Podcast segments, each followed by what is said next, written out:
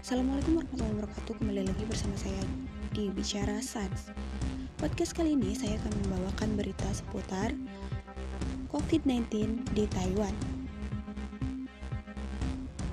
Dilansir dari konferensi pers CACC pada tanggal 23 April Sebelumnya ada seorang pilot kargo asal Indonesia yang bekerja untuk China Airlines terbang dari Taiwan ke Australia pada tanggal 20 April. Sesampainya di Australia, ia merasakan gejala sakit tenggorokan dan kemudian terkonfirmasi positif COVID-19. Pada tanggal 21 April, CACC Taiwan menerima pemberitahuan dari pihak China Airlines terkait hal tersebut. Mereka pun segera mencari kontak pilot terkait di Taiwan sekaligus riwayat kegiatan pilot terkait. Setelah mendapatkan data kontak dekat pilot, terkonfirmasi ada dua orang warga negara Indonesia yang positif COVID-19 yaitu pasien ke-1090 dan pasien ke-1091. Pasien 1090 adalah warga negara Indonesia laki-laki berusia 10 tahun yang merupakan anak dari pilot. Ia tidak memiliki riwayat bepergian ke luar negeri. Anak tersebut telah melakukan pengawasan kesehatan mandiri sejak hari Rabu 21 April 2021 dan pada tanggal 22 April ia mengalami gejala tenggorokan, kering, serta pusing. Anak ini kemudian terkonfirmasi COVID-19 hari tanggal 21 tanggal 23 April. Sementara itu, pasien 1091 merupakan warga negara Indonesia laki-laki berusia 50 tahun yang juga merupakan teman kerja pilot pada tanggal 4 April hingga 10 April lalu, pilot ini bepergian ke Amerika Serikat dan tidak memiliki gejala apa pun.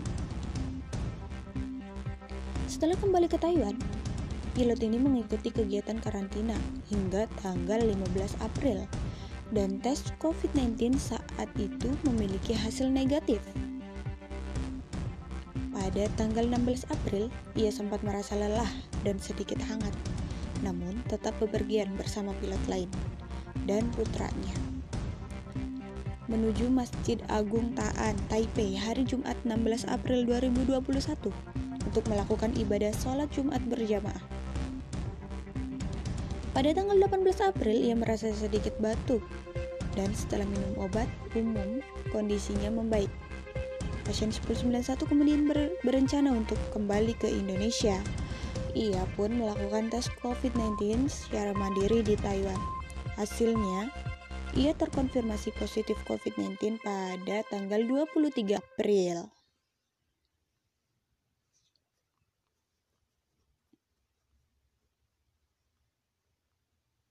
Sementara itu pada hari, pada hari Senin 19 April, pilot terkait juga sempat berkunjung ke Masjid At-Taqwa di Taoyuan dan PX Mart di Nansu Store, distrik Lutsu. Taoyuan pada sore sekitar pukul 4 sore terkait dengan pasien kasus Australia tersebut telah ada 58 kontak dekat termasuk pasien 1091 dan 1090. 8 orang lainnya memiliki hasil negatif. 23 orang masih menanti hasil dan 25 lainnya masih belum dites. CECC pun mengumumkan bahwa saat ini seluruh anggota kru kargo akan dites. Sebagian diminta untuk melakukan karantina mandiri dan sebagian lainnya melakukan pengawasan. Pengawasan cek kesehatan diri pribadi.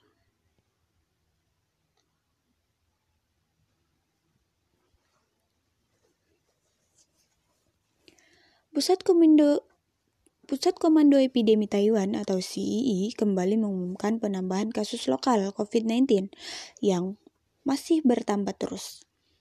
Pada tanggal 29 April, CEE mengumumkan penambahan dua kasus lokal COVID-19 dan satu kasus yang belum jelas asal-usulnya. Pasien kasus lokal pertama, yaitu pasien 1120 adalah seorang manajer dari hotel karantina warga negara Taiwan, pria berusia 40 tahun. Pekerjaannya termasuk mengecek kebersihan ruangan dan membantu mengirimkan makanan atau barang untuk pilot yang dikarantina. Ketika Ketika bekerja dirinya selalu menggunakan masker dan sarung tangan. Pada tanggal 17 April, dirinya mengalami gejala batuk, pilek, kehilangan nafsu makan, dan bersin-bersin. Pria terkait berkunjung ke klinik beberapa kali mulai tanggal 19 sampai 28 April. Dan karena kondisinya tidak membaik pada tanggal 27 April, berkunjung ke rumah sakit. Dirawat di bangsal isolasi dan terindikasi pneumonia. Kemudian terkonfirmasi pada tanggal 21. Pasien 1121 adalah seorang perempuan berusia 40 tahun dan merupakan anggota keluarga dari pilot China Airlines pasien 1078 dan sudah dikarantina sejak 20 April. Pada tanggal 27 April, ia mengalami sesak nafas dan sakit pada dada, terkonfirmasi COVID-19 dengan CT value 18. Pasien 1122 merupakan seorang pilot kargo berusia 50 tahun warga negara Taiwan yang bertugas ke Amerika pada tanggal 2 hingga 9 April. Ia kemudian dikarantina hingga tanggal 15 April dan kembali ke Amerika pada tanggal 19 April. Kemudian kembali ke Taiwan via Jepang tanggal 24 April. Tanggal 25 April, tiba di Taiwan dan dikarantina. Tanggal 27 April menunjukkan gejala tenggorokan sakit dan demam. Terkonfirmasi COVID-19 dengan CT value 21. Pada tanggal 30 April CEE, CACC mengumumkan juga tiga tambahan kasus lokal COVID-19 di Taiwan yaitu pasien 1127, 1128, dan 1129. Seluruhnya merupakan pekerja di hotel karantina kluster hotel, termasuk staf restoran hotel terkait. Pada tanggal 1 Mei, Pusat Komando Epidemi Taiwan juga mengumumkan penambahan kasus lokal COVID-19 yang menginfeksi seorang anak laki-laki, balita, anak dari pilot kargo kasus 11 20. Pilot kargo China Airlines tersebut sebelumnya terkonfirmasi positif 25 April lalu.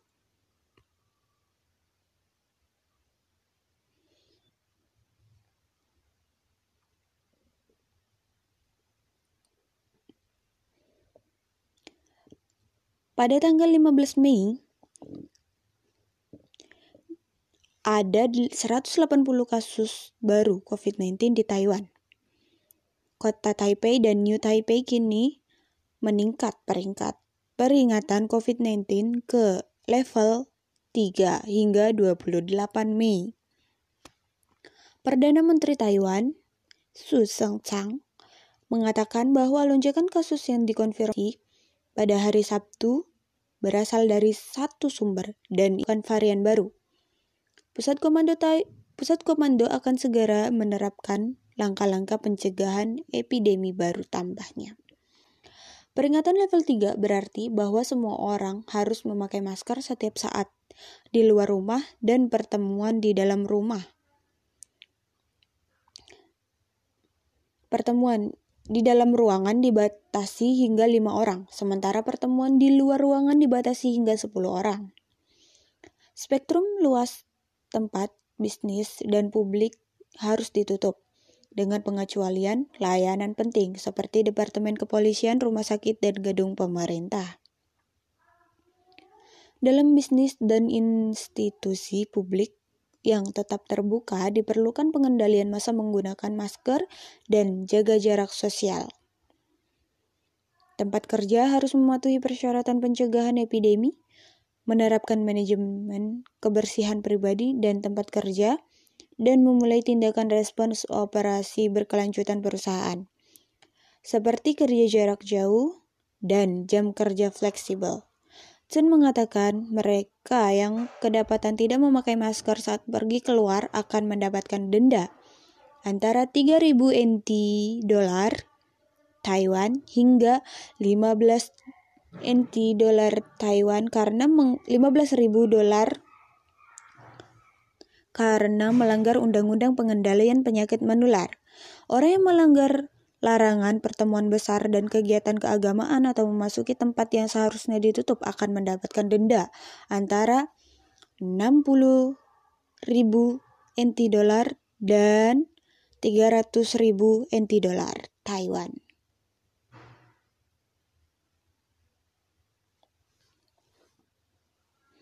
Mulai pada tanggal 24 Mei, Taipei melarang seluruh makanan dan minum di tempat.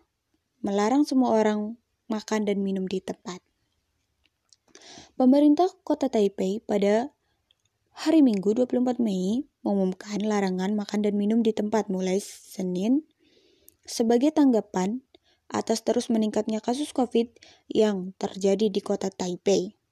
Dilansir dari Fokus Taiwan, mulai Senin 24 Mei, seluruh tempat makan dan restoran termasuk restoran sarapan, kafe, tempat makan di supermarket, food courts, dan seluruh pasar malam hanya akan diizinkan untuk menyajikan makanan secara take out atau melakukan pengiriman. Bagi pemilik resto yang melanggar atau aturan akan didenda 3.000 hingga 15.000 dolar NT. Awalnya, larangan tersebut diumumkan Kamis, namun saat itu hanya mencakup pasar tradisional dan pasar malam di Taipei. Untuk sekarang telah diperluas dan mencakup semua penjual makanan dan minuman. Keputusan ini diambil melihat angka penyebaran COVID-19 yang tak kunjung reda, sebaliknya meningkat di ibu kota Taiwan Angka penyebaran yang relatif tinggi menunjukkan bahwa di Taipei kasus distrik Wanhua, angka infeksi domestik belum mereda dan pemerintah kota perlu memperlakukan aturan yang lebih ketat untuk menahan penyebaran COVID-19.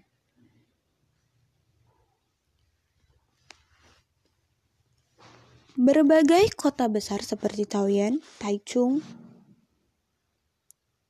dan New Taipei City, dan lain-lain menerapkan pembatasan kunjungan ke pasar-pasar tradisional yang berada di wilayah tersebut. 1 Juni 2021. Dengan peraturan baru ini, masyarakat dibatasi untuk berbelanja sebanyak tiga hari per minggu menggunakan sistem nomor kartu identitas atau ARC untuk menurunkan risiko penularan COVID-19. Nomor terakhir ganjil 1, 3, 5, 7, dan 9 pada kartu identitas diperbolehkan untuk berbelanja di pasar tradisional setiap hari Rabu, Jumat, dan Minggu.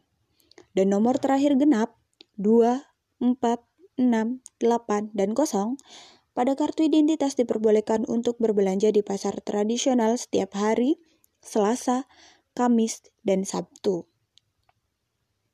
Masyarakat juga diminta sebisa mungkin hanya belanja seminggu sekali dan sekali berbelanja dalam jumlah banyak untuk keperluan satu minggu de ke depan. Dilansir dari Taiwan News, Kepala Biro Pengembangan Ekonomi Kaohsiung, Leo Tai Xiang, pada hari Senin mengatakan bahwa peraturan para pasar tradisional selama pandemi berarti vendor harus membuat pelanggan meninggalkan informasi untuk pelacakan kontak. Masker yang harus dipakai penjual Masker harus dipakai oleh penjual dan pembeli. Leo mengatakan eksekutif UN telah mengumumkan langkah-langkah bantuan pandemi untuk wira swasta, vendor, dan pekerja tanpa majikan tetap yang memenuhi syarat untuk menerima 10 dolar inti Taiwan per bulan selama maksimal 3 bulan. Selanjutnya menurut CNA, CNA, Biro akan membagi dua sewa di pasar tradisional.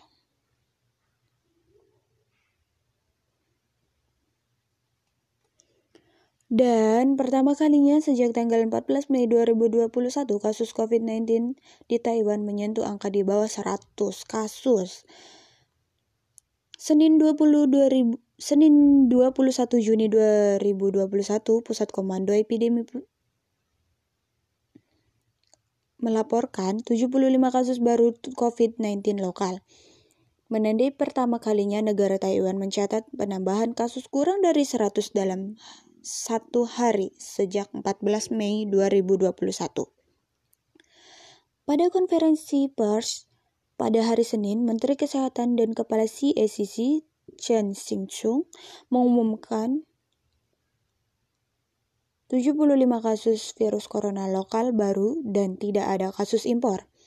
Dia juga mengumumkan 20 kematian, sehingga jumlah kematian di negara itu menjadi 569. Kasus lokal terbaru termasuk 35 pria dan 40 wanita berusia antara 5 hingga usia 10, 80. Dengan tanggal timbulnya gejala dan pengujian mulai dari 8 Juni hingga 20 Juni. Dari kasus ini, 38 berada di kota New Taipei, 22 kota Taipei, 5 di kota Taoyuan, dan 3 di kota Kabupaten Miaoli. Masing-masing di masing-masing dua di kota Kelung dan kota Taichung dan masing-masing satu kasus di kota Kaohsiung, Kabupaten Yulin, dan Kabupaten Changhua. Ya, sekian saja podcast kali ini yang saya bawakan tentang berina, berita COVID-19 yang ada di Taiwan. Sekian, wassalamualaikum warahmatullahi wabarakatuh.